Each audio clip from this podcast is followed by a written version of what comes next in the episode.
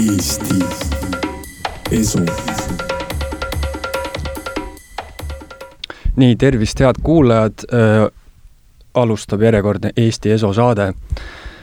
täna on mul külas Ants Rootslane äh,. Ants tegi nädalavahetusel mulle psühhoteraapiat, kus ma rääkisin enda väikse minaga, surnud sugulastega, sonkisime minu lapsepõlvetraumades, aga sellest jõuame ka kindlasti rääkida, sest äh, Ants on peamiselt tuntud kui hüpnotisöör Ants. et äh, alustame sellest, tere Ants kõigepealt! tere, Taavet! Äh, hüpnoos kui selline igale inimesele, nagu ka mina, kes ei ole sellega kokku puutunud, tuleb kohe silme ette mingisugune uurikesega hüpnoosi tegev vanamees, kes paneb siis mingisugusesse inimesed lambana mängima, kanana käituma, et eh, mis see hüpnoos täpsemalt on? Mm -hmm. sellised tehnikad, kus kasutatakse pendlit ja erinevaid abivahendeid, on eh, natukene ajast ja arust, need on niisugused äh, Mesmeri tehnikad ja Venemaa tehnikad, et need ei ole enam tänapäeval nii väga kasutusel. kuigi nendega on väga kiiresti võimalik transs esile kutsuda. Tänapäeval tehakse hüpnoosi natukene teiste vahenditega, teraapiline hüpnoos ja see, millest sina rääkisid, selline lambaks tegemine ja kanaks, need on natukene teistsugused hüpnoosiliigid, et see on show-hüpnoos, neid tuleb väga rangelt kahte eraldada sest show-hüpnoosis on tõesti võimalik panna inimest kuskil minut ajaga tegema Ehm, ükskõik siis mida, mida see inimene on valmis vastu võtma, et kõige olulisem on see, et inimene oleks ise sellega nõus.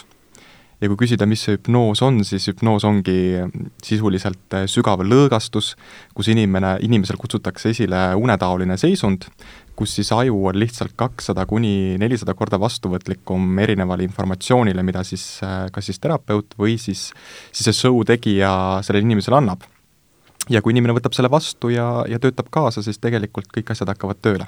ja siis saab niimoodi näpunipsust saab nagu selle lõpetada ja ka käima panna mm. -hmm. kuskil minut aega on minul võtnud kõige lühem äh, hüpnoosi viimine, ma kunagi tegin TV3-ga ühte projekti ja TV3 Playsse, siis me tõesti viisime ühe inimese minut aega, tegin ta lõviks, siis ma tegin ta Kristjan Jõekaldaks ja see kogu meeskonnale tundus väga, väga veider, mis seal toimus, et see inimene pärast ei mäletanud, et ta seda tegi et, äh, et on võimalik äh, hea minut aega väga kiiresti esile kutsuda ja sama kiiresti on võimalik ka välja inimene tuua mis ta siis lõvina tegema hakkas, möirgama? ta lihtsalt äh, tundis, et ta ei saa enam kahel jalal seista, ta tahtis neljakäpukil Aa. olla ja ta tundis, et tal kasvas suur saba, et ta, ja seal oli diivani peal üks hundi pildiga padi.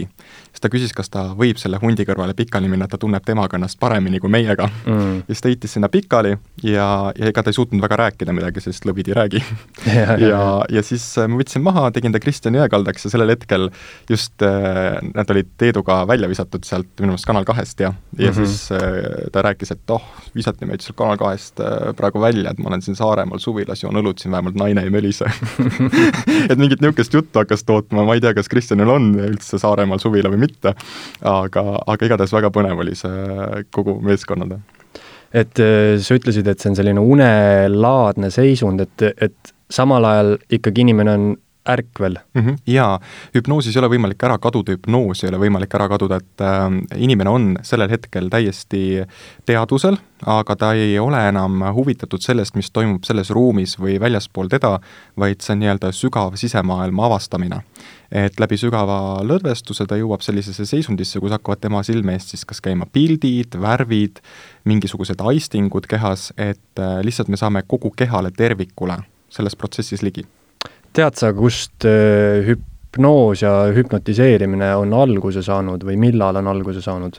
jaa, minu meelest seda tehti juba Kreeka ajal mm -hmm. täiesti, et äh, seal kasutati selliseid huvitavaid hüpnoositehnikaid äh, juba siis, aga uuesti ta tuli nii-öelda päevakorda siin üheksateist, kahekümnendal sajandil, kus siis hakati äh, uuesti nii-öelda seda hüpnoosi päevakorda tooma ja Freud väga palju töötas hüpnoosi läbi, aga leidis ka, nagu ka mina olen leidnud, et paljude probleemide puhul püsivat tulemust hüpnoosis siiski ei ole.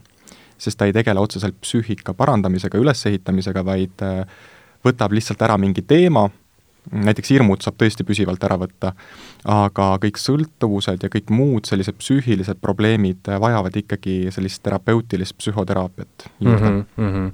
et äh, kui inimene nüüd on sellises hüpnoosi seisundis, siis nagu sa ütlesid, et ta on vastuvõtlikum, Mike Tysoni filmidest ma olen ka näinud, et, et kes, ma ei tea, võib-olla mõni ei tea, aga Mike Tyson, üks maailma kuulsamaid poksjaid, kui see tema vanem treener teda nii-öelda välja treenis juba väiksest peale, siis põhimõtteliselt iganädalaselt pandi Mike Tyson hüpnoosi alla ja talle sisendati, et sa pead hävitama vastase ja, ja seetõttu võib-olla olidki ka tema sellised matšid olid sellised, et üks-kaks raundi ja vastane oli täiesti lömaks löödud. sportlastega on üldse huvitav, ma olen palju töötanud sportlastega ja ma ei poolda üldiselt sellist viha suurendamist, sest äh, see tehnika, mida tema puhul kasutati, oli lihtsalt see, et äh, tugevdada inimeses viha, sest viha on väga tugev loov energia ja sellega on väga palju võimalik saavutada. ma olen alati öelnud, et äh, kui Ott Tänaki vihkaks oma isa varjatud kujul mm, -hmm. siis kui seda viha ei oleks tema sees, siis ta ei võidaks, ta ei saaks maailmameistriks aga on ka võimalik pehmemalt natukene sportlasi ähm, nii-öelda äh, treenida hüpnoosi läbi, et nad oma tulemusi saavutaks, sest äh, meis on uskumatult palju rohkem äh, peidus, kui inimesed ise arvavad, just sportlastel, kes on valmis ka ületama ja nad väga ootavad seda ja nad on väga vastuvõtlikud seetõttu, et sportlaste tulemusi on võimalik tõsta. ja eriti need, kes tegelevad kangi tõstmisega, jooksmisega ja ka reketimängijate puhul, et olen nendega kokku puutunud nojah, seal on ikka väga suur protsent, üks on, on ju see, kui, kui treenitud sa oled füüsiliselt ja siis on väga suur protsent on ikkagi mentaalses, mentaalses kinni, et kuidas, kuidas sul läheb nagu võistlustel. ma arvan, see ongi kõige olulisem, sest kui inimene oma mentaaltasandit ei kontrolli või sellist äh, sügavamat sisemist tasandit, et seal ei ole tasakaalu, siis on väga raske spordis üldse mingisugust tulemust saavutada, et lõppkokkuvõttes need treeningud ei ole midagi selle kõrval, mis inimese vaimne seisukord sellel hetkel on Äh, sa mainisid, et äh, hüpnoosiga on võimalik siis äh, foobiatest, hirmudest lahti saada. mida on veel võimalik hüpnoosiga teha, et näiteks noh, sõltuvused, ütlesid, et see ei ole väga hea, suitsetamist, joomist saab maha jätta? teate, ma olen teinud ju mitu tuhat hüpnoosiseanssi elu jooksul ja ma olen pannud neid koode peale ja siis ma olen natuke teistmoodi teinud neid sõltuvuse teraapiaid, aga mul on ikkagi vaja teada, miks see sümptomaatika inimese elus on, see alkohol ja suitsetamine või mingi muu asi, et ja teinekord me saame hüpnoosi läbi seda teada, lahendame küll ära, aga midagi jääb ikkagi varjatuks. sellepärast ma olen nagu läinud kuidagi sujuvalt selle hüpnoosi pealt perekonna psühhoteraapia peale, sest seal on rohkem võimalik psüühikaga töötada ja päris probleemiga et kui varem ma otsisin läbi hüpnoosi erinevaid vastuseid sellele, mida ma varem ei teadnud lihtsalt, et inimese sees, siis täna ma tean ise, mis need probleemid, põhjused on ja oskan inimest kohe suunata õigesse kohta. aga, aga hüpnoosiga on tõesti, ma arvan, et see ampluaa on kõik, mis inimese alateadvuses ja inimese nii-öelda puutub inimesse ja see on võimalik ikkagi kõike mõjutada mm. -hmm. ma olen mhm. enam kui kindel, et on võimalik isegi enda mingisugune noorendamisprogramm alateadvusesse panna kui on võimalik võtta ära külma ja kuuma tundlikkus, siis miks ei peaks mingi muu asi võimalik olema? Saksamaal tehti kliinikus, ma ei tea, aastal kaks tuhat kaksteist vist jah, esimene ajuoperatsioon ilma nii-öelda tuimestust kasutamata ega narkoosi kasutamata, viidi inimene hüpnoosi võeti ära valuaistingud ja talle tehti esimest korda tead-, täiesti teaduslikult haiglasse hüpnoosi läbi ajuoperatsioon. siis ta nagu blokib ära selle jaa, ta lükkab lihtsalt selle valutundlikkuse välja, et alateadvusel on selline võime, et ta suudab kõike kontrollida ja kui ma lükkan välja selle osa, mis kontrollib valu, siis äh, saavad asjad juhtuma hakata. Mm.. aga näiteks sellist asja ütleme, seksuaalset orientatsiooni, keegi, kes on gei, kui panna ta hüpnoosi alla pidevalt, on võimalik muuta seda? ma olen teinud ühest geist hetero elu jooksul. jaa, see oli, see oli suhteliselt alguses ja me tegime temaga mitu seanssi, ta ei olnud huvitatud otseselt saama heteroks, aga ta ütles, kui see juhtub, siis see juhtub. ma tegin talle kaks hüpnoosiseanssi, eh, kus me tugevdasime tema mehelikkust, lihtsalt tema normaalset olekut.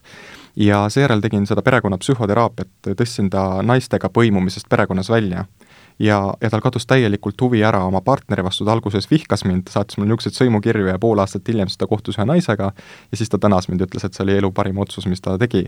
tõesti, üks selline juhtum on mm. -hmm. et ma arvan, et geide puhul üldse on väga huvitav, et mõned on tõesti sellised sünnipärased aga mõned on äh, siis äh, olnud kas sellises perekonnas, kus mehelikkus või naiselikkus on inimeses ära tapetud mm -hmm. ja siis ta hakkab nii-öelda nii-öelda see orientatsioon või aju biokeemia nii palju muutub, et ta vajab mingit teist energiat enda kõrvale.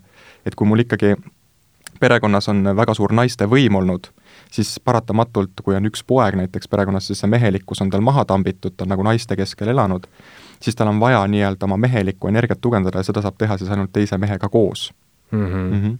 et, et seal on nii-öelda erinevaid gei-liike, võiks isegi öelda sest nagu me näeme, siis mõned on ju täiesti normaal, mul on ka endal ka palju geisõpru, mõned on täitsa normaalsed inimesed eh, ja mõned on sellised, kes lähevad nagu ultra nagu lolliks, et hakkavad meikima ennast ja naistena riides käima, et seal on ikkagi nihe, psühholoogiline nihe. aga sa usud, et ikkagi see on eh, mingisugune noh, nihe siis, nagu sa ütlesid? Eh, nende puhul küll, kes hakkavad ennast meikima, kes ei taha enam olla siis mees mm -hmm. või naine, kes tahavad olla keegi teine, kes nad tegelikult ei ole sest nendele kõige suurem katsumus antud siin elus tulla toime sellega, mis neile antud on, mitte põgeneda selle eest. et aga, aga see on iga inimese enda valik, et kas ta siis äh, otsib seda põhjust või ta läheb siis sellist äh, pisut hullumeelset teed. aga näiteks inimesed, kes siis tahavad üldse enda sugu vahetada, äh, noh, palju, mitte et ma selle teemaga väga kursis oleksin, aga ikkagi olen kuulnud palju sellist asja, et ma olen sündinud vales kehas. et kuidas, mis sina sellest arvad, et kas see on mingisugune trauma või, või on mm -hmm. või ongi niimoodi, et inimene tõesti on sündinud vales kehas? miks sa arvad, et looja nii rumal on, et ta paneb inimese valesse kehasse? ja kas on üldse valesid asju mõnes mõttes olemas? et tegelikult ma arvan, et seal on ikkagi trauma ja päris kindlasti on seal mm -hmm. väga raske traumeering ja ja see ei pruugi üldse olla selle inimese enda trauma, vaid see võib olla kollektiivne trauma. ja selles äh, suguvõsas lihtsalt äh, kahekümne esimene sajand on nii avatud ühiskonna ja mingis mõttes ka selline hulluse ajastu, kus äh, lihtsalt sellised asjad kerkivad pinnale, sest praegu on sellele ruumi ühiskonnas. no ja see on üldse ka võimalik. see on võimalik, täpselt. et aga ma arvan, et see on ikkagi raske trauma tulemus, kui inimene tahab enda sugu vahetada et aga kui ta saab sellest õnnelikumaks, siis äh, minu poolest on see ka okei okay.. lõppkokkuvõttes mm -hmm. on tähtis see, et inimene õnnelik oleks. sa enne mainisid äh, hüpnoosiga seoses sõna kood, et mis see, mis see koodi alla panek täpsemalt tähendab? on erinevad tehnikad, mis kodeerivad aju niimoodi ära, et on võimalik panna inimest siis äh, käituma selliselt, et ta ei tahagi üldse alkoholi, ta ei tahagi üldse sigaretti, aga probleemi ära ei lahenda see. et mm -hmm. sa mhm. paned inimese nii-öelda aju justkui plokki.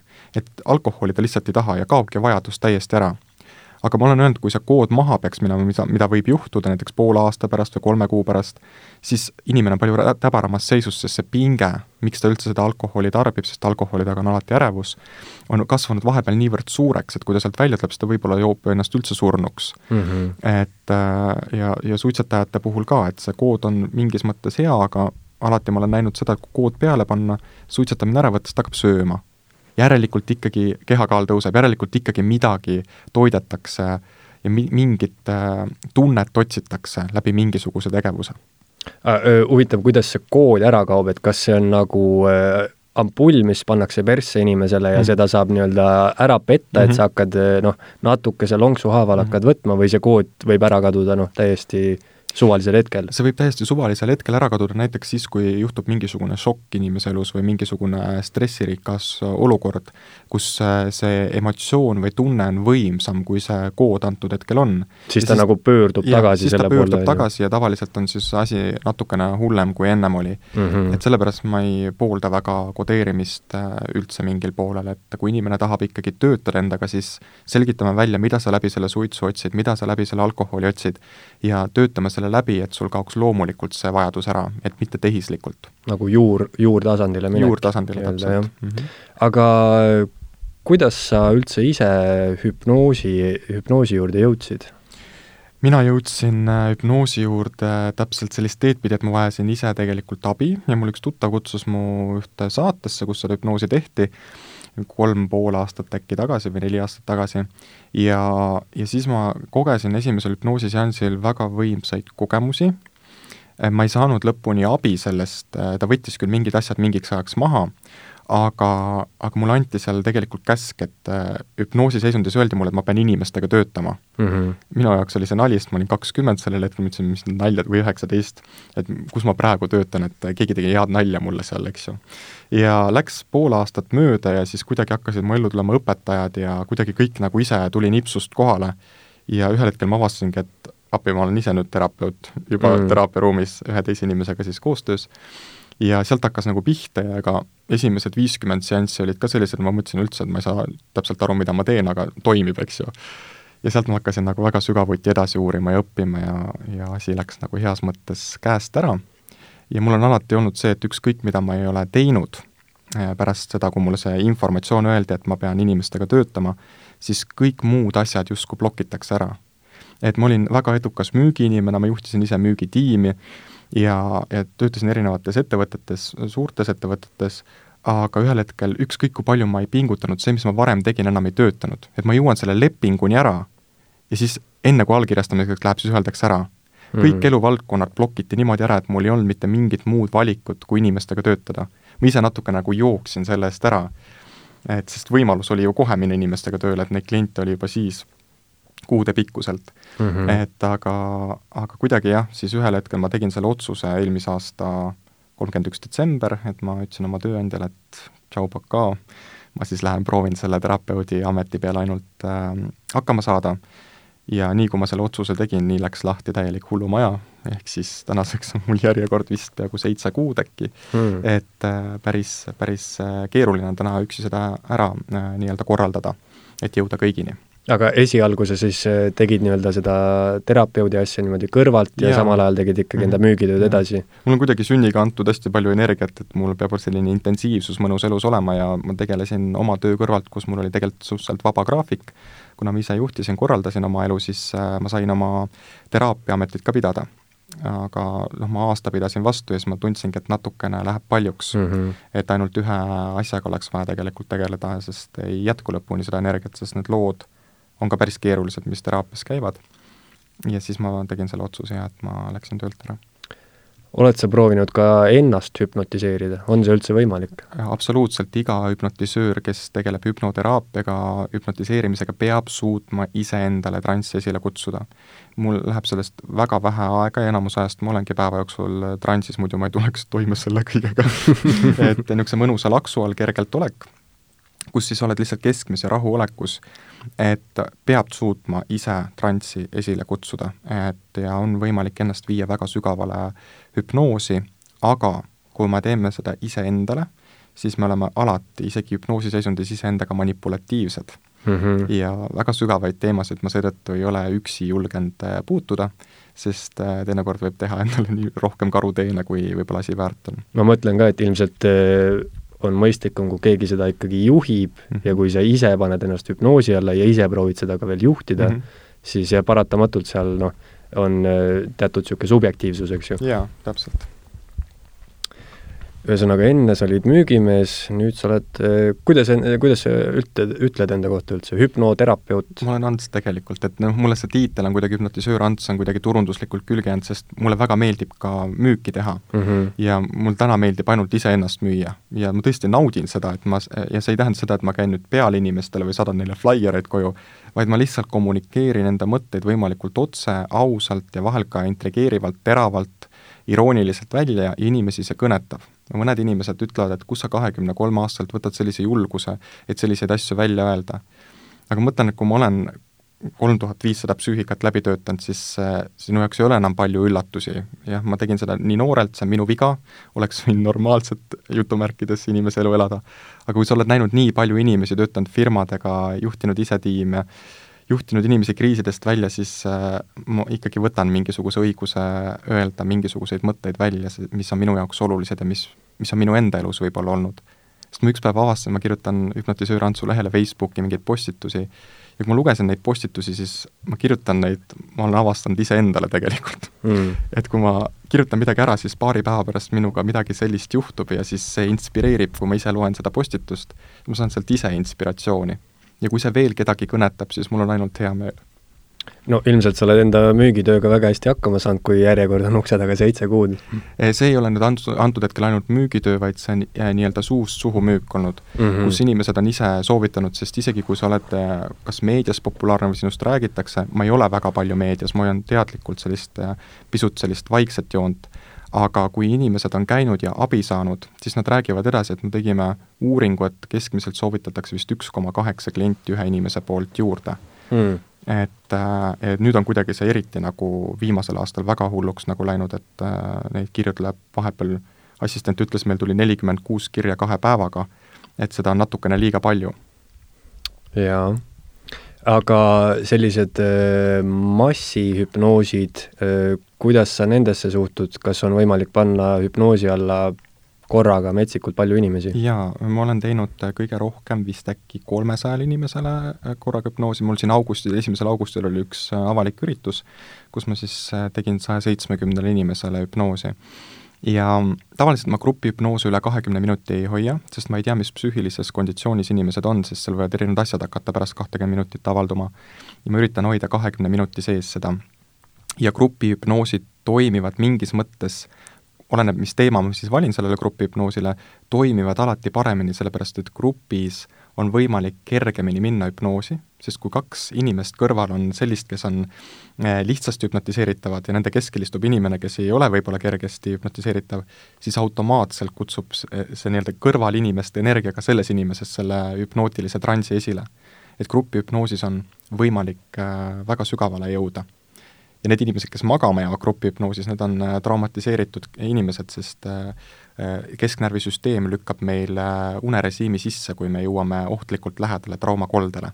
Mm.. et meie kesknärvisüsteem on niivõrd imeline asi, mis meid kaitseb, et me ei elaks uuesti läbi teatud traagikat see on jah, nagu, nagu naeruefekt, et kui kõik inimesed kõrval naeravad, siis paratamatult hakkad ise ka naerma. mustrid on justkui nakkavad mm. või siis haigutamise efekt või midagi sellist. mulle meeldivad grupihüpnoosid, et ma teen sügisel ka neljas Eesti linnas, teen niisugused kuuetunnised seminarid, kus ma kindlasti kaasan ka grupihüpnoosid sisse. et, äh, et seal saab ka niisugust huvitavaid asju teha, teinekord ma teen ka live-demonstratsioone, et panen siis kellegi seal lava peal midagi tegema või panen inimestel käed kokku niimoodi, et nad ei suuda neid lahti teha. et nad on alati sellised huvitavad ja siis inimestel kasvab justkui usk Äh, sellesse inimesse, kes siis räägib, ja kui inimesel on veel usk ka juures, lisaks sellele, et ta seda infot võib-olla usub, siis asjad hakkavad alati kergemini tööle, sest ta on vastuvõtlikum. ja kui inimene on vastuvõtlik, siis alati saavad asjad juhtuda väga kiiresti. aga mis see siis, ütleme, kui ma olen hüpnoosi all, panen enda käed kokku ja ma ei saa neid lahti tõmmata, et mis, või noh, füüsiliselt ma tegelikult ju saan, et mis see, mis see efekt on, mis nagu siis takistab mind? ma lihtsalt annan su ajule käskluse, et sa ei saa oma käsi lahti teha ja kui sa võtad selle vastu, siis tegelikult äh, nii ongi, et lihtsalt aju keeldub, kuna see kood on nii-öelda peal justkui mm -hmm.. ma olen sulle andnud alateadvusse koodi, et sa ei saa oma käsi enam lahti teha ja sellisel juhul äh, nii-öelda aju keeldub käsi lahti tegemast hmm.. ja ta allub ainult siis äh, selle hüpnotisööri tahtele. ja hüpnotisöör ja hüpnoterapeut on kaks erinevat asja, hüpnotisöör teeb show'd mm -hmm. ja hüpnoterapeut teeb teraapiat aga nad on tavaliselt kaks isikut ühes, sellepärast et väljaõppes antakse mõlemad, mõlemad kätte. huvitav, kas selline asi oleks ka võimalik, et sa paned inimesele koodi peale ja kood seisneb selles, et äh, sa ei valeta enam kunagi? E, jaa, on võimalik, kuigi ma ütlen, et show-hüpnoos kestab tavaliselt äh, lühikest aega, et ta ei kesta päevi, et on äh, üldjuhul aga on võimalik teraapilist, teraapilist hüpnoosi teha, et seletada ära, miks inimene valetab. mis on see kaitsereaktsioon, mis tal on tekkinud mingitest äh, lapsepõlvekogemustest, miks ta peab valetama mm. -hmm sest valetajatel, valeta, need, kes valetavad, nendel on aju biokeemia ka häiritud, neil on seda valget nii-öelda ollust aju eesosas rohkem ja halli vähem, et see aju biokeemia on nagu natukene nagu rikkis neil. Et sellega läheb natukene rohkem aega, et inimese aju ka ümber struktureeriks või muutuks biokeemiliselt et see ei käi nii lihtsalt. aga on võimalik tõesti kood peale panna inimesele mm, -hmm. et ta ei mhm. valeta, aga ma eelistaks ikkagi ära lahendada probleemi põhjuse, miks ta siis valetab. ma mõtlesin, et selline kood oleks ju päris hea panna peale näiteks äh, uurijatel ülekuulamise ajaks, äh, kriminaal, sa enam ei valeta mm, -hmm. räägib kõik ära, mis ta tegi mm. -hmm. ma arvan, et vahel peab valetama.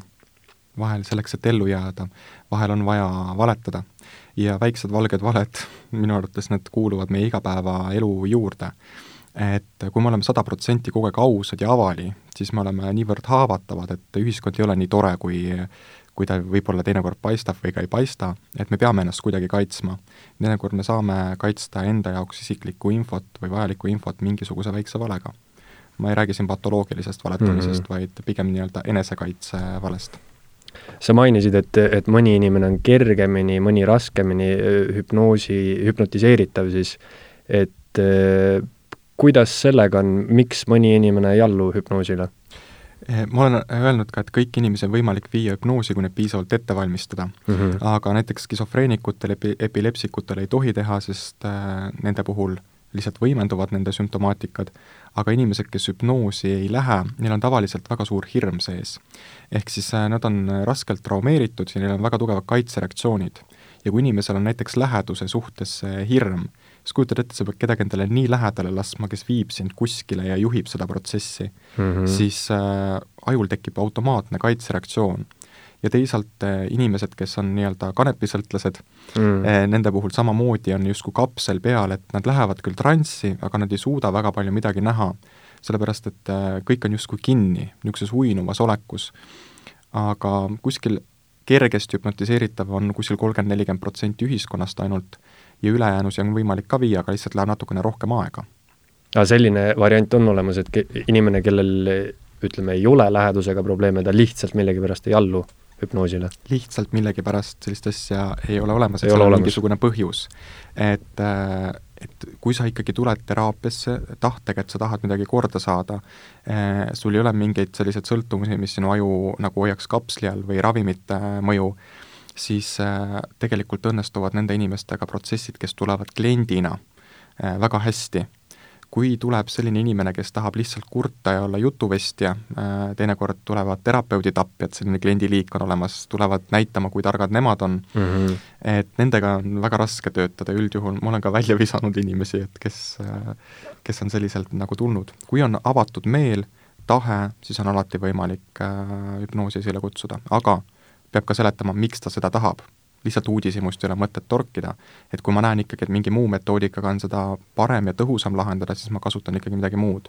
aga see on kliendiga kokkuleppel ja seda võivad siis äh, mõjutada näiteks ka mingid ravimid, mida inimene võtab igapäevaselt, näiteks ja. mingid rahustid, anti, anti kõige hullemad, mis minu praktikas on ette tulnud, on Xanax ja Sümbalta mm. -hmm. Sümbalta on eriti hull, see teeb see on antidepressant või? jaa, nad on niisugused rahustid, antidepressandid mm. -hmm. et nad teevad lihased ja, ja kõik muu selliseks äh, loiuks, loiuks, et inimesel puudub nagu enda teadvusega korralik kontakt, et nad ei saa ise ka aru, kes nad on. ja mida ma hüpnotiseerin seda inimest, kes ei saa ise ka aru, kes ta on, et äh, võib võimendada isegi mingisuguseid reaktsioone tema kehas.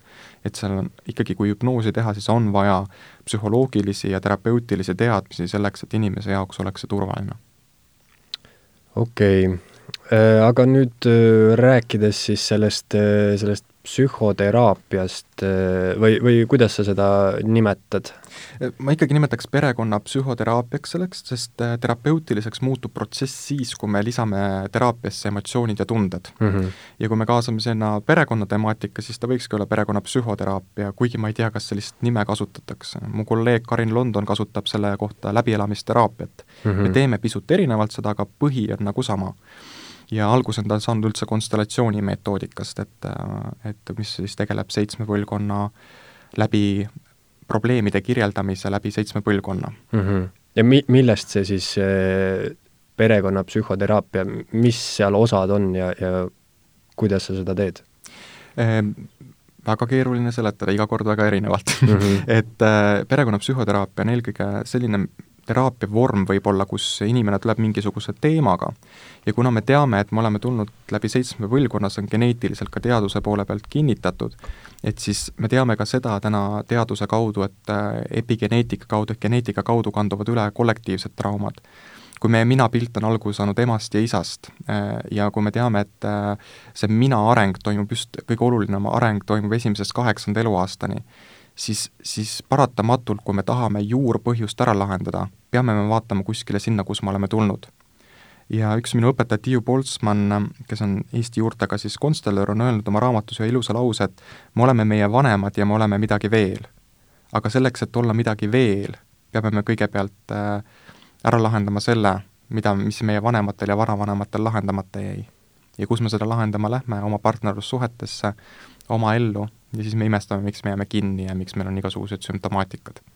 jah, sellest äh, me põgusalt rääkisime ka, kui ma käisin sinu juures äh, sessioonil, et äh, sellist asja ma olen küll kuulnud, et ütleme, kui ema on raseduse ajal hästi närviline, siis võib see ka mõjutada last, aga sina siis ütlesid, et see võib olla ka noh, mitte ainult raseduse ajal, vaid lihtsalt täiesti eelmisest põlvkonnast kaasa tulnud trauma siis? absoluut, absoluutselt. kui ikkagi kõige hullemad on äh, need küüditamised, äh, mis on olnud äh, sellised sõja ja tapmised, inimesed, keda on ära unustatud, enesetapud, kõik need mõjutavad ka järeltulevaid põlvi et kui näiteks on olukord olnud, kus äh, vanaema äh, nii-öelda saab lapse ja mees viiakse sõtta, siis sellest hetkest nii-öelda vanaemat peab tegelema ellujäämisega. tal ei ole aega leinata, tal ei ole aega seda armuvalu tunda, mis ta tundis, kõik jääb läbi tegemata. ja, ja kuna see laps sellel hetkel kasvab selles keskkonnas üles ja tema eesmärk on ainult ema päästa eh, ja seda olukorda nii-öelda päästa, siis nii-öelda üle põlve kanduvad need teemad edasi. ja kui näiteks on mingi armastus kuskile kaduma läinud kellelgi esivanematest, siis käivitub äh, automaatselt äh, suguvõsas programm, et lähedus ja armastus on ohtlik. et kui ma armastan ja luban kedagi lähedale, siis ma võin ta kaotada. ja siis inimesed mõtlevad, miks neil ei ole võimalik luua partnerlussuhteid. aga palun vaadake, mis sinu vanaema lugu oli, mis sinu vanaisa lugu oli, ja tütred, esimesed tütred just, peaksid vaatama vanaema peale ja esimesed pojad peaksid vaatama vanaisade peale. seal on kogu see äh, loo tuum peidus mm. -hmm. see, see üle ühe põlvkonna kandumine, see tuletab mulle meelde sellist tüüpilist müüti nõiavõimete kohta, et nõiavõimed kanduvad üle ühe põlvkonna edasi mm. -hmm. tänapäeval võib-olla on isegi asi kiirem, sellepärast et minu perekonnas on ka sellist mitu põlvkonda on kokku saanud erinevatest kohtadest, kus on olnud võimed, et äh, vanaisa oli mul Ungari mustlaste järeltulija, jah, seal ma tean, et vana, vana-vanaema oli mul kaardimoor külas ja vanaisal olid ka mingid võimed ja ja emal on mul ka mingisugused, äh, tegeleb noh, energeetilise massaaži ja kõige muuga, ja minul siis avaldusid need kõige võib-olla intensiivsemalt juba lapsena. ja praegu mul kõik vist vaikselt seal juba tunnevad ja tajuvad, näevad. ja vanaema poolt ka siis äh, on äh, siis ema-ema poolt on ka olnud sellised Venemaa sellised kurjad nõiad kolm-neli põlvkonda tagasi. et praegune põlvkond toob lihtsalt kõik selle, mis on varem jäänud avaldamata, toob rohkem esile. kas karmasse usud? Kindlasti. karma on selline huvitav asi, et äh, ta tuleb meile õpetama, et kui me midagi oleme ikkagi teinud äh, teatud reeglite ja seaduspärade vastu, vahet ei ole, kas me teame neid või mitte, seaduse mittetundmine ei vabasta vastutusest, et äh, siis me saame mingisugused laksud kätte ja kui me tahame, näiteks nõiamaailmas väga palju üksteist hävitatakse, on hästi suur egomaailm tegelikult, millest mm -hmm. ma olen mhm. tahtnud eemal hoida, et ma pigem hoian sellist terapeutilist suunda, siis nõiamaailmas käib tohutu üksteisele ärapanemine, kes on kõvem, kes näeb rohkem, tegelikult ei ole seal absoluutselt vahet, tähtis on see, et inimene saaks abi. aga üksteist tohutult hävitatakse, me oleme sellises nagu konnatiigis üksteisel nagu kõride kallal, ja, ja kui me teeme kellelegi ikkagi tahtlikult kurja ja teeme veel väga rumalalt, igasuguseid, ma ei tea, armumaagiaid ja mida kõike kokku ei keerata, siis peab arvestama sellega, et see tasumise tund tuleb ka. ja, ja need ei ole üldse meeldivad, sest makstakse alati kahte moodi, kas tervise või rahaga mm. -hmm. Need on kaks kohta, millega alati makstakse. et äh, siis see jääb inimesele enda vastutuseks ja need nõiad, kellel on lapsed ja teevad lollusi, siis saavad need lapsed endale selle laksu kätte, et lapsed on justkui kaitse, sest lapsed alati tahavad kaitsta oma vanemaid mõtlesingi, et kas karma siis äh, läheb ka niimoodi üle põlvkondade, et mina pean näiteks maksma mingisuguse sita eest, mida mitu põlve tagasi tehti minu suguvõsas. täpselt nii, ma toon kõige lihtsama näite, näiteks äh, mul käis üks klient, kellel üks esivanematest pettis tohutult palju vara välja mm. -hmm. tea, ta pani igalt poolt midagi piistu, ehitas suured lossid endale kõik äh, valmis ja nüüd järeltulevad põlvkonnad mõtlevad, miks nad vaesuses elavad mm.. Nad tohutult vaesuses et kuhugi see rikkus kadus ära, aga nüüd käib järeltulevate põlvkondade kaudu tasakaalustamine. Sest asjad tahavad alati olla tasakaalus, kui kuskilt anti, siis kuskilt ka võetakse. et see tasakaalu otsimine igas peresüsteemis on väga oluline märksõna jah, seda ma tahtsin ka sinu käest küsida, et, et kui mina käisin sinu juures sessioonil, on ju, siis see algas niimoodi, et et ma rääkisin enda lapsepõlvest, on ju, ja siis me nii-öelda nagu mängisime läbi teatud stsenaariume, ma seal äh, rääkisin enda, enda vanematega, enda äh, surnud sugulastega ja, ja siis äh, noh, selle põhjal, mis ma nagu rääkisin, selle põhjal sa siis juhtisid mind. aga seal oli üks väga huvitav koht, sa ütlesid, et et sa näed minus mingisugust kasutamata musikaalset annet ja mainisid viiulit et noh, seda mina ei öelnud mitte midagi selle mm -hmm. kohta, et kust see info sulle tuli. Ma ütlesin sulle midagi veel, mille me jätame ütlemata siin, eks ju, aga teinekord ma ei taha tuua selgeltnägemist teraapiasse mm, -hmm. aga inimesed, kui nad tulevad teraapiasse, nad ei taha rääkida tõtt, sest mm -hmm. on mingisugused varjud, luukered, mida nad ei julge avada ja kui ma inimest äh, näen esimest korda, siis mul jookseb silme eest pildid läbi kõikidest tema luukeredest, mida ma ei pruugi tuua välja inimesele, aga mida ma saan siis teraapia jooksul äh, kasutada infona. ja sinu puhul tõesti tuli selline varjatud musikaalsuse anne ja tõesti näidati lihtsalt pillina viiulit. et meile on antud teatud ports andeid elus, mida me võime kasutada, aga me võime ka kasutamata jätta aga see on see miski, mis ilmselt toidaks sinu hinge ja lihtsalt mul jooksevad sellised pildid vahel silme ette. oskad sa kuidagi proovida selgitada, kust see info tuleb näiteks, kui sa vaatad inimesele peale, et ahoh, võib-olla ta peaks üldse viiulit mängima. kui sa oled äh, endaga paigas või hästi kohal, siis tegelikult on võimalik äh, keskendudes äh, inimese peale vaadates, ma ei vaata kunagi lihtsalt talle silma, vaid ma vaatan kogu tervikut, ma vaatan kogu kehahoiakut ja, ja tunnetan, mida ta tunneb enda sees ja siis see informatsioon sinu energiaväljas on olemas ja ma püüan selle lihtsalt kinni ja siis ta, minule tulevad nad piltide kujul kommunikeerin selle vajadusel välja, kui on vajadus. et ma, ma vahel teen seda, et kui ma käin kuskil võõrastes seltskondades ja ma ei taha üldiselt inimestele öelda mingeid asju, aga vahel kästakse. Kuskilt keegi ütleb, et tead, sa pead talle need, need asjad ütlema. ja üks päev šokeerisin ühte naist, ütlesin talle, tead, su mees petab sind kolme naisega, sul on üks kaotatud laps ja sa oled omadega täitsa puntras, sa pead midagi ette võtma. see naine sai šoki, aga ma sain aru, et teda oligi vaja šokeerida, et see naine hakkaks lõpuks ometi elama. et vahel on vaja öelda mingeid asju, et inimene leiaks enda tee või suuna. aga etterääkimisest tihtipeale ei ole kasu, sest kui ma räägin asju ette, siis inimene ei võta neid enda seest ja ei tegele. Siis on kaks varianti, kas šokeerid inimest ja, ja ta hakkab tegutsema, või siis lihtsalt annad talle juhtnööri, nagu ma sulle andsin, et kuule, sul on muusikaline kasutamata anne, et võib-olla proovi, testi, vaata, mis saab mm. -hmm. sest see oli jah, minu jaoks oli see üllatav, kuna ma ei ole kunagi mm, midagi muusikalist klassikalises mõttes teinud, ma ei ole pilli mänginud, õppinud, laul, laulda mulle üldse väga ei meeldi aga noh, muidugi ma mängin plaate nii-öelda, see on niisugune võib-olla modernne variant siis -hmm. sellest, et ma kuidagi nagu elan ikkagi seda välja, see on mu hobi ja see mulle tõesti ikkagi väga meeldib. sa oled muusikaga kuidagi seotud, eks ju, et sa mängid plaate. et äh, järelikult sinu hing saab sealt toitu, sa ei pea seda viiulit mängima, ma lihtsalt ütlesin, see on see üks võimalus mm., aga kui sa juba oled muusikas kuidagi mingit moodi sees, siis sinu hing lihtsalt toitub ja saab inspiratsiooni sealt ja see on oluline. jah, et selles mõttes jah, ma nagu äh, niimoodi otseselt sellele mõelnud ei ole, aga noh, kui ma mõtlen, et päevas ma kuulan küll ikka noh, mitu tundi iga päev muusikat, ja, ja sellepärast ma tahtsingi küsida, et kui palju on sellest eh, psühhoteraapiast nii-öelda teadusel põhinev eh, metoodika ja kui palju on nii-öelda esoteeriline mm? -hmm. tegelikult enamus on ikkagi teaduslikult seletatav, ehk ma tegelen ju sisuliselt äh, nii-öelda lisareaalsuste loomisega alateadvusesse ehk minapildi ülesehitamisega. et äh, peegelneuronite kaudu meil on võimalik äh, nii-öelda siis vastu võtta teatavat informatsiooni ja teatavat informatsiooni ka endast välja anda.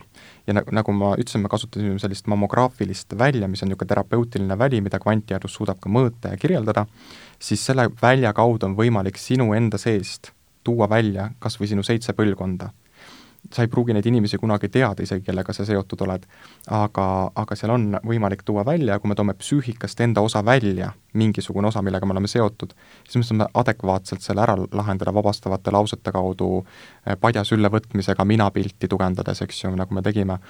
et, eh, et see ikkagi on ainult psühholoogilisel teoorial ja seal on väike esoteeriline nõks juures, just need energiaülekanded, kus ma kannan seda nii-öelda esivanemate energiat üle, sest see on nii oluline kanda see puuduolev osa inimesse üle, et inimeses toimuks kasvamine.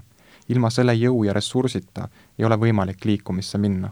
et see on võib-olla ainukene selline, mida teadus ei oska kirjeldada, aga minu meelest ongi põnev, et, et peab olema vahel teaduses sammukene ees, et neil oleks, mida uurida ja, ja see, selle sessiooni, teraapia sessiooni puhul ma pean ütlema, et, et see on tõesti äh, ütleme, kasulik osa, et eh, noh, mina ka seal, ma ütlesin välja eh, kõva häälega mingeid asju, mida ma võib-olla tavaliselt mõtlen lihtsalt enda peas ja noh, kui aus olla, siis tegelikult argipäeviti iga päev ei mõtlegi sellistele asjadele absoluutselt, et eh, see kuidagi ikkagi nagu sunnib sind nii-öelda adresseerima mingisuguseid teemasid, on ju, mis noh, on sinu sees, aga võib-olla igapäevaselt sa ei mõtle sellele aga, aga äh, rääkides nagu sellest teaduslikust lähenemisest, kas sa paned inimestele ka mingeid diagnoose? ei, mul puu-, ma ei ole arst mm, -hmm. kindlasti ma diagnoose ei pane.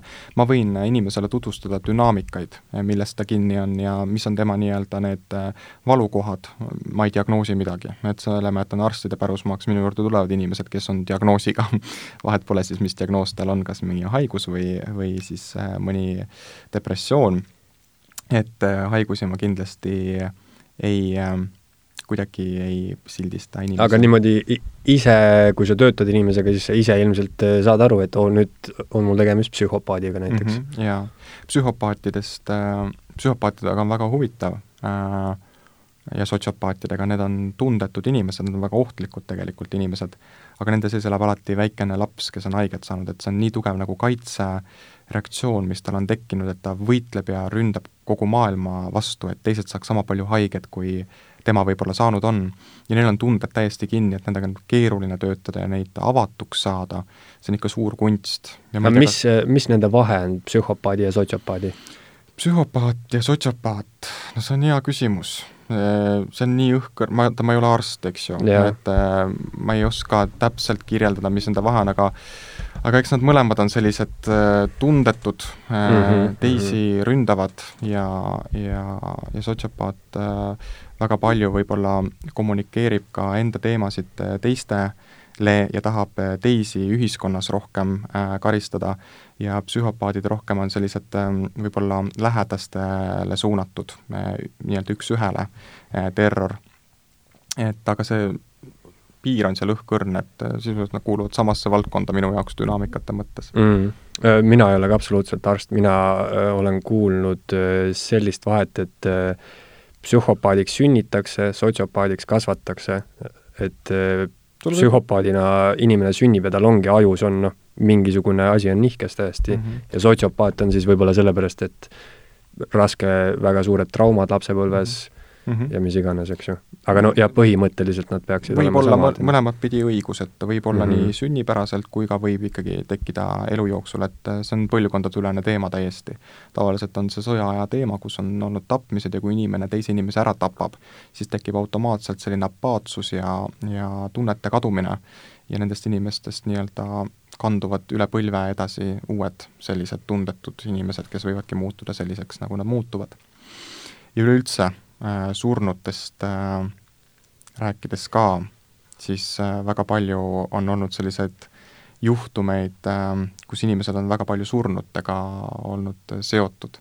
vaata, me ka teraapias tegime natukene seal surnutega tööd mm, -hmm. et see on minu arust väga huvitav, et surnu ei saa ennem maha rahuneda, võib-olla me oleme teemast kõrval, aga praegu mul tuli see sisse lihtsalt, et aga surnud ei saa ennem maha rahuneda meie perekonnas, kui neid on märgatud ja need on maha rahustatud.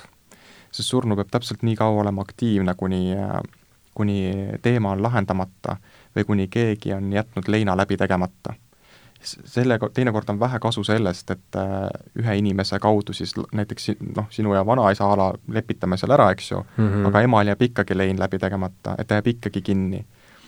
ja minu arust need on kõige niisugused äh, huvitavamad kohad, kus siis surnud jäävad pärast teraapiat minu juurde abi paluma, et äh, tee meiega midagi.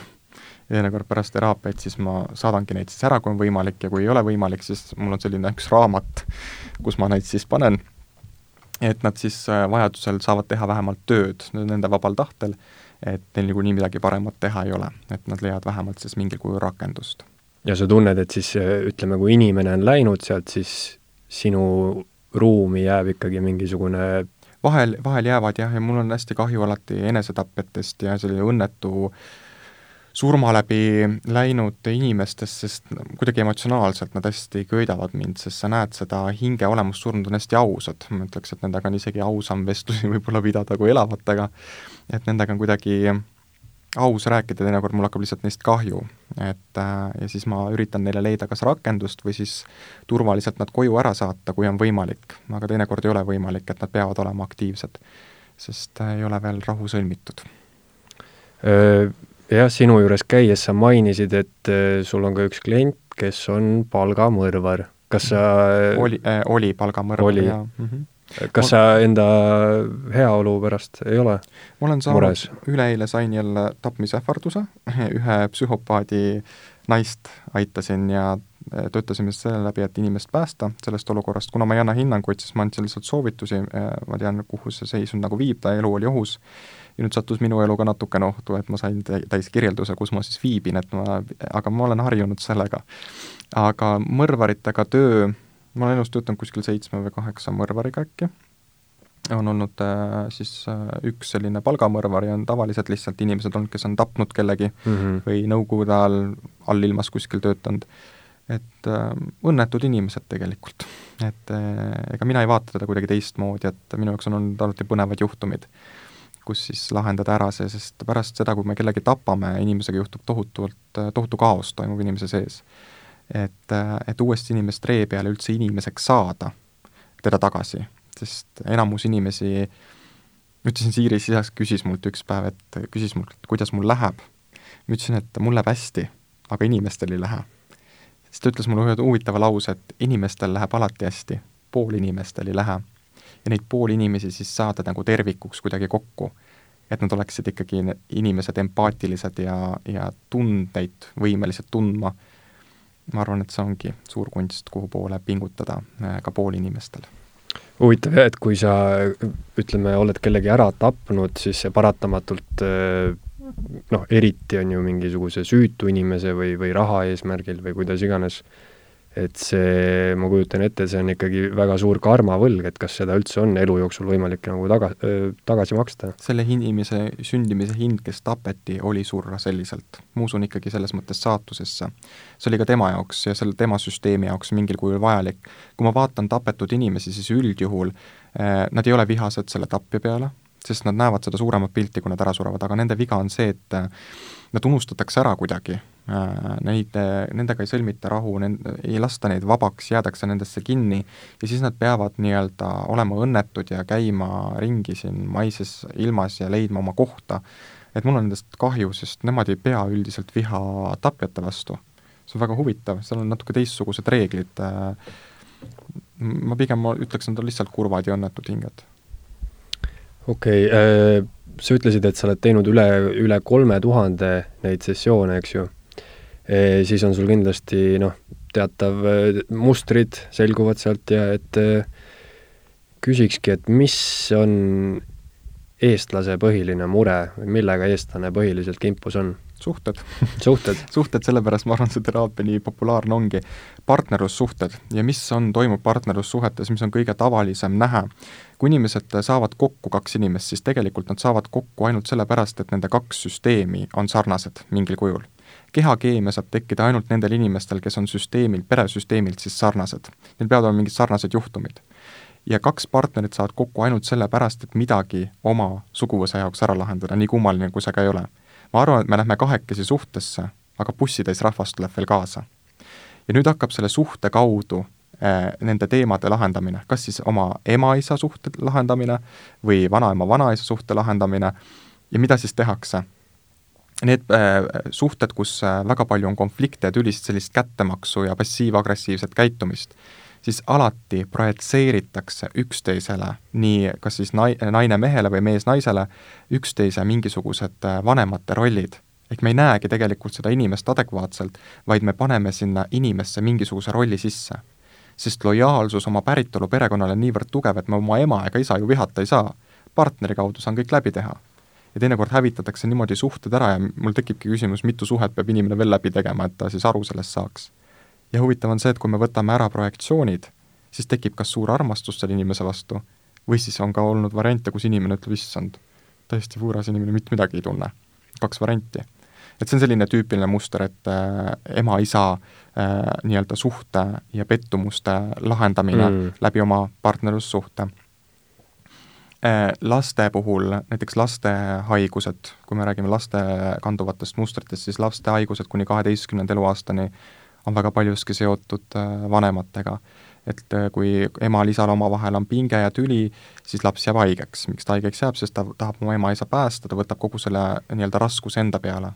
tema väike keha ei tule sellega toime, immuunsus madaneb, madal madaldub äh,, madaldub, tekib hirm ja äh, jääb ta haigeks. et äh,, et need mustrid on jah, sellised huvitavad, kui vanematel on rahaga hästi palju probleeme, tülitsejad vaidlevad, siis inimene vaatabki, et ahaa, raha omada on halb, see tekitab intriigi ja raskust, järelikult ma valin endale elus sellise tee, et ma ei teeni väga palju raha. isegi kui mul on vaesus ja mul on raske, siis see on loomulik äh, olek. selle kaudu ma olen lojaalne oma päritolu perele. sest mõnikord, kui me tahame seda mustrit äh, ära lõhkuda, vabaneda, siis inimesed on teraapia käigus öelnud, et aga ma ei soovigi. Sest siis ma tunnen, et ma ei kuulu.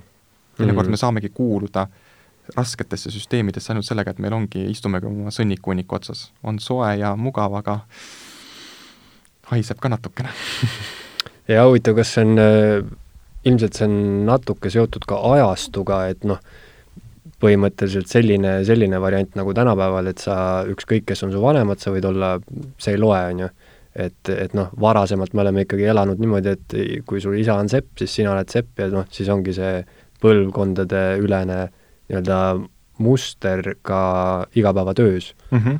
jaa, näiteks nendel inimestel, kellel isa ei ole olnud või isa ei ole väga pildis olnud, siis need inimesed on kaks varianti, kuna isa on välismaailma ülesehitaja, siis äh, on kaks varianti, kas inimene saab väga edukaks, ta mitte kunagi oma eduga rahule ei jää, tal on niisugune tunne nagu rong sõidab eest ära, see on minu lugu kunagi olnud, või on see, et nad kukuvad täiesti läbi nad ei tule üldse välismaailmaga mingil kujul toime. ja ma olen soovitanud nendel inimestel, kellel siis ema või isa ei ole olnud, et otsida oma elus või ju-, lasta juhatada, parem on, parem sõna, lasta juhatada inimesel endale mingi vanem sõber oma ellu, sest tema saab selle puuduoleva ressursi ära täita. Mm.. et äh, ma ise olen seda oma elus kasutanud ja toimib ülihästi, aga peab lihtsalt vaatama, et see mäng ei läheks natukene üle piiri, sest muidu hakkavad toimuma sellised intriigid ja tülid äh,, kuna nähakse mingisugust üksteist mitte sõpradena, vaid äh, poja ja isana või midagi sellist. et, äh, et kasutada mingit sellist saadaolevat ressurssi, kui oma perekonnas seda ei ole. ja ka soovide soovimisest, näiteks kui inimesed soovivad tihti soove äh,, räägivad sinna taevasse universumisse, miks see universum peaks su soovid täitma, kui sa tuled läbi seitsme põlvkonna.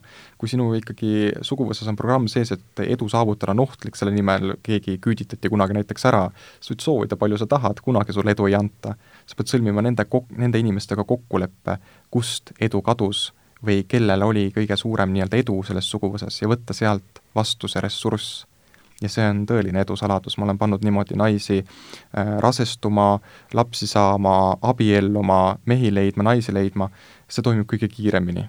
sest me tuleme läbi seitsme põlvkonna, kehastume siia, läbi ema-isa, järelikult me saame läbi selle ka küsida kõike, mis meil on vaja, me ei pea kuskil universumis ringi tuiama selleks. Mm jah, suhetest rääkides, kas see on siis äh, teataval määral tõsi, et inimesed justkui alateadlikult otsivad endale partneriks siis mehed ema, naised isa mm? -hmm. Esimesel kaheksandal eluaastal esimene armastus on kõikidel poisslastel ema ja tütarlastel isa, kes tekib, isa tekib tavaliselt minapilti kolmandal-neljandal eluaastal alles, ja kui nüüd see isa on näiteks reetnud Äh, ära läinud pere juurest või ema vastu vägivaldne olnud, siis naisel näiteks kaob äh, terveks eluks usaldus meeste vastu.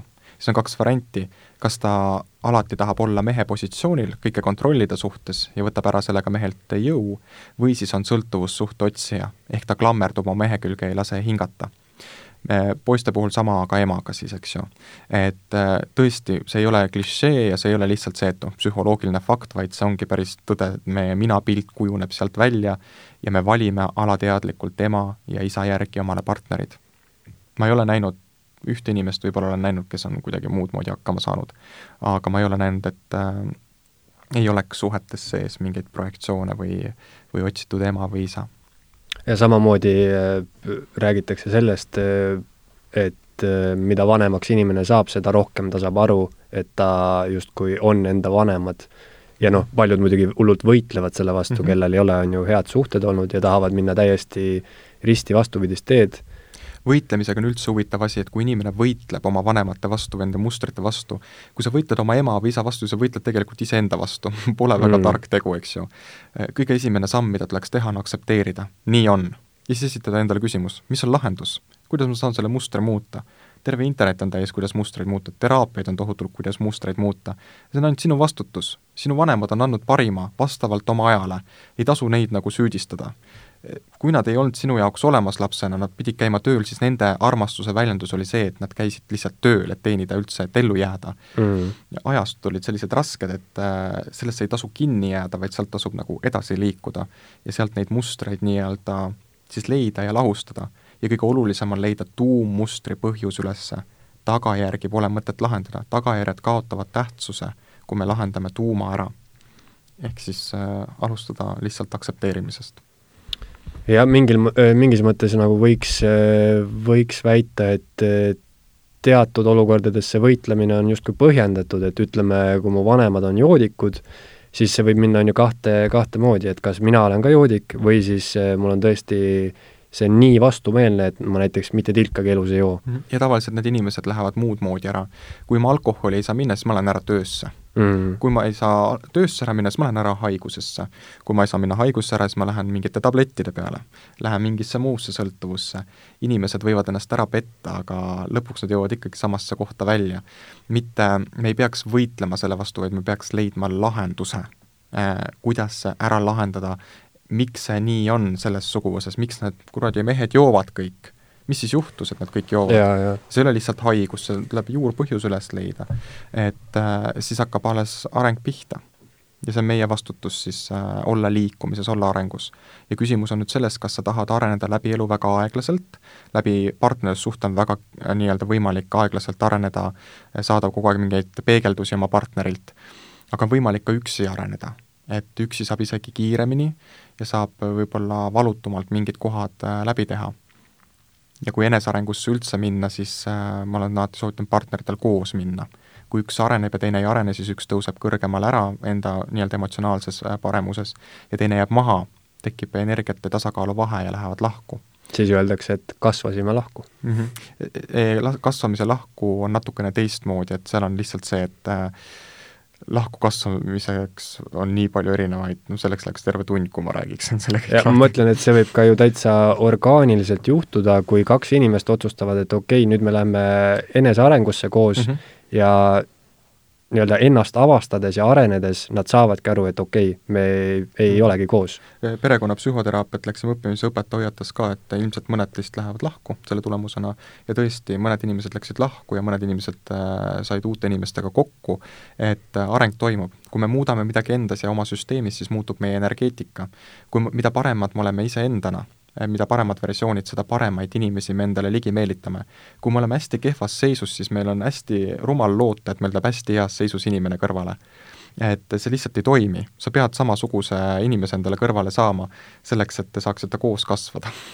jah, ja jah, nagu sa ütlesid, see ütleme, kui on alkohoolikust vanemad ja siis sa näiteks äh, nii-öelda võitled selle vastu ja ma ei tea, äh, tapad ennast tööga ära, siis tihtipeale võib-olla inimesed ei saagi sellest aru, sest eh, nii-öelda töösse süvenemine on meie ühiskonnas justkui kiidetud, eks ju, et mhm. noh, sa võid olla küll eh, tead, üliedukas. tead, miks inimesed töösse ära lähevad või? see on ainult süütunne teinekord, et nad üldse elavad. Nad peavad nii palju pingutama, et tõestada, et nad elavad ja kust see tekib, üks muster jälle. Kui meil on olnud äh, äh, emal-isal kaotatud lapsi, aborditud lapsi, ära kukkunud lapsi, surnud lapsi enne mind või pärast mind, siis alateadlikult me tunneme terve elu ühendust nende inimestega.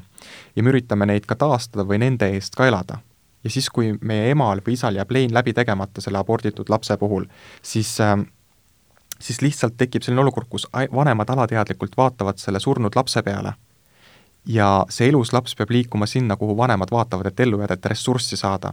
Ja siis ta põimib ennast selle surnud lapse saatusega kokku.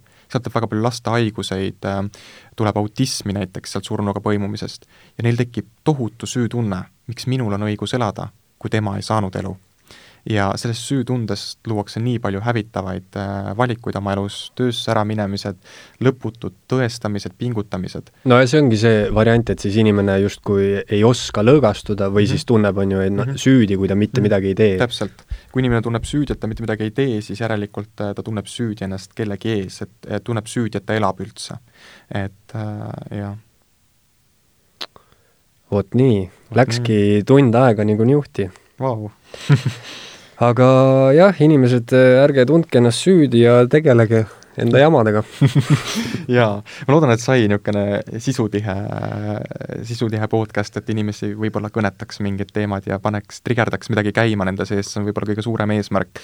ma usun küll, jaa. et ja kui inimestel on huvi, siis ma olen müügimees, ma teen natuke reklaami, et neljas Eesti linnas tuleb siis äh, ka seminar, kus me räägime alateadlikest mustritest lähemalt, äh, live-demonstratsioonid tulevad, äh, hüpnoosid, live sellised psühhoteraapilised äh, protsessid ja neljas linnas Tallinnas, Tartus, Pärnus ja Rakveres ja info siis hüpnotisöör Antsu lehel. mis on hüpnotisöörants.ee jah, midagi sellist. okei aga suur tänu sulle tulemast! jaa, jaa, aitäh! nägemist! Eesti Esu